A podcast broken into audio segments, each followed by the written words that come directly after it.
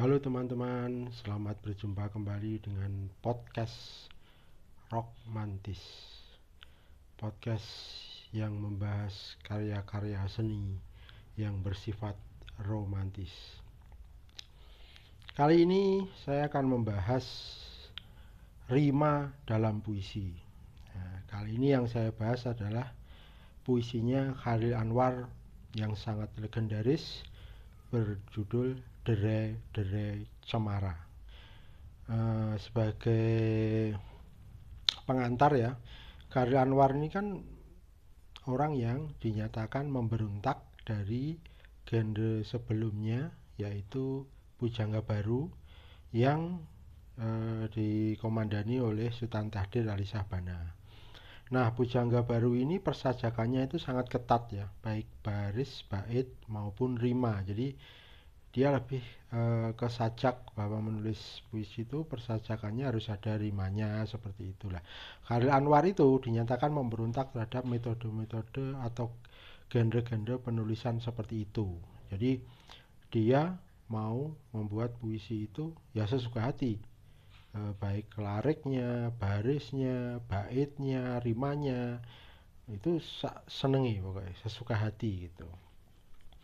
Akan tetapi dia juga eh, ingin menunjukkan karena mungkin pada saat, itu ya dinyatakan oleh eh, kelompok dari Pejangga Baru ini bahwa Khalil Anwar ini mungkin karena ke apa ya nggak bisa menulis yang ada rimanya atau baitnya harus ketat, maka dia membuat uh, puisi dengan genre yang tak terikat aturan gitu. Akan tapi dia menunjukkannya dengan salah satu puisi ini dan ini mungkin satu-satunya puisi Khalil Anwar yang memakai rima yaitu judulnya Derai-derai Cemara. Derai-derai Cemara. Cemara menderai sampai jauh. Terasa hari akan jadi malam. Ada beberapa dahan di tingkap merapuh. Dipukul angin yang terpendam. Aku sekarang orangnya bisa tahan. Sudah berapa waktu bukan kanak lagi tapi dulu memang ada satu bahan yang bukan dasar perhitungan kini. Hidup hanya menunda kekalahan. Tambah terasing dari cinta sekolah rendah. Dan tahu ada yang tetap tidak diucapkan sebelum pada akhirnya kita menyerah. Nah, jadi di sini pakai rima api api api api api api.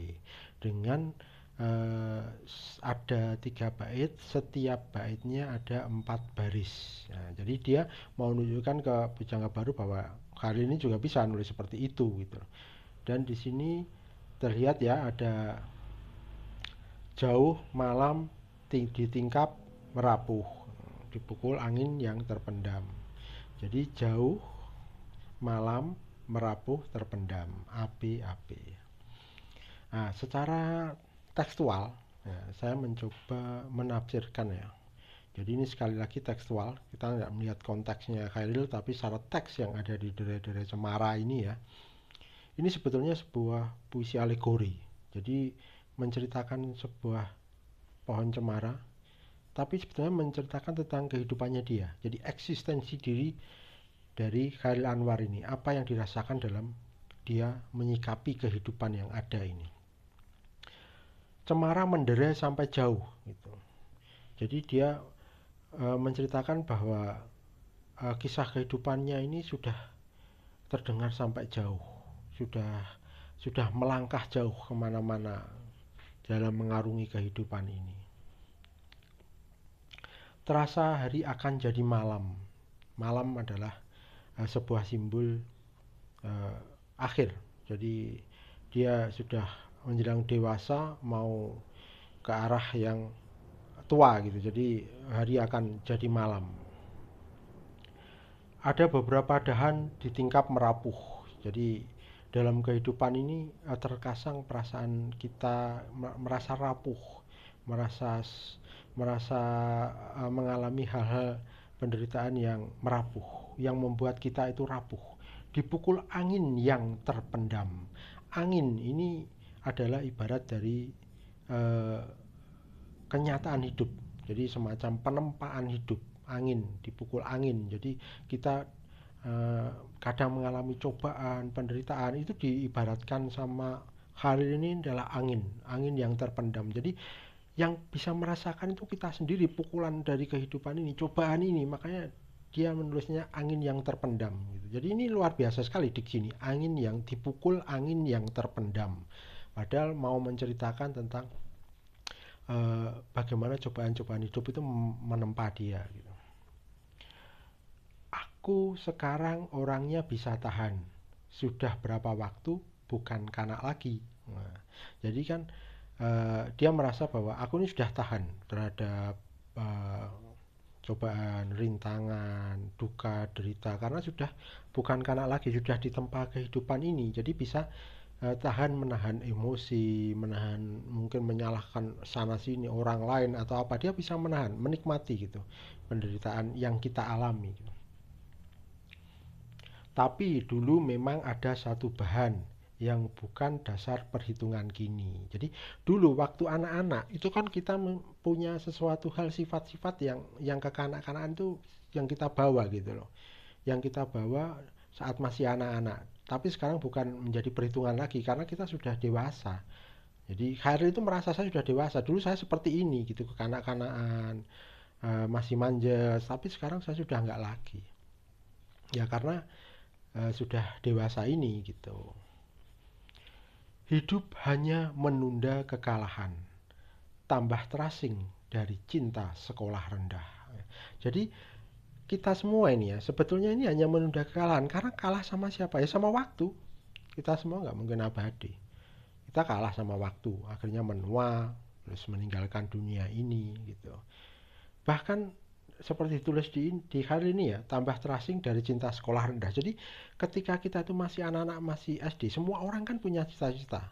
Kecintaan kita terhadap sesuatu cita-cita kita ingin jadi ini ingin jadi itu gitu.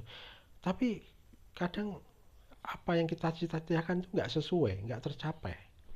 Dan pak akhirnya akan akan kalah ini tadi menunda kekalahan. Karena karyawan merasa aduh dulu mungkin dia bercita-cita sebagai politisi atau bercita-cita sebagai pemimpin negeri ini atau katakanlah uh, mempunyai sebuah kayak Sultan Tahdir Pujangga baru yang percetakan besar atau apa cita-cita gitu. Mungkin dia punya cita-cita seperti itu tapi uh, nggak tercapai gitu.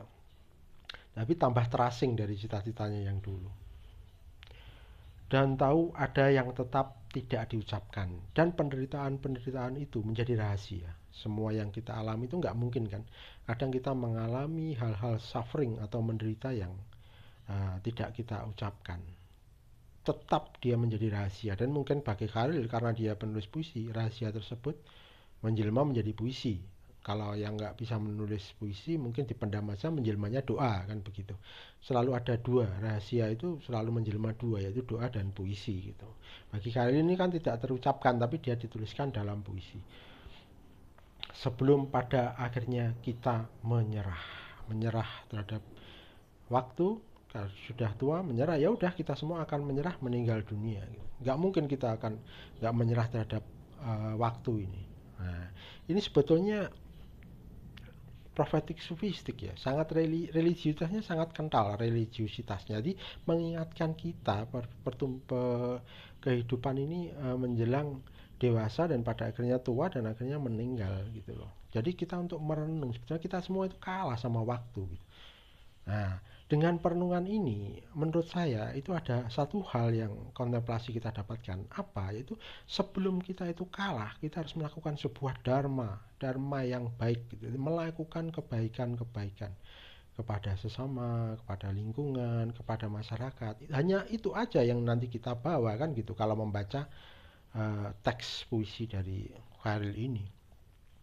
Kita nggak akan membawa apa-apa. Pada akhirnya kita menyerah semua gitu. Dan bagi seorang penulis itu kan uh, kalimatnya Pramudia Anantatur kan jika umurmu tak sepanjang umur dunia maka sambunglah dengan tulisan. Ya makanya kalau penulis biar abadi kan menulis itu. Yang profesinya bukan menulis apa ya dengan kebaikan-kebaikan itu akan abadi nanti kebaikan itu. Meskipun pada akhirnya kita menyerah. Jadi hidup itu memang hanya menunda kekalahan. Pada saatnya nanti kita akan kalah. Tapi sebelum kita mengalami kekalahan kita harus membuat sebuah dharma yang baik yaitu membuat kebaikan-kebaikan di dunia yang fana ini gitu. jadi ya tak ada yang abadi ya pada akhirnya semua kita akan mati akan menyerah pada waktu dan kalah oke teman-teman demikian podcast rock mantis kali ini yang membahas derai-derai cemara yaitu yang sebuah puisi alegori tentang kehidupan tapi Khalil menulisnya uh, dengan uh, metafora dari cemara derai-derai cemara.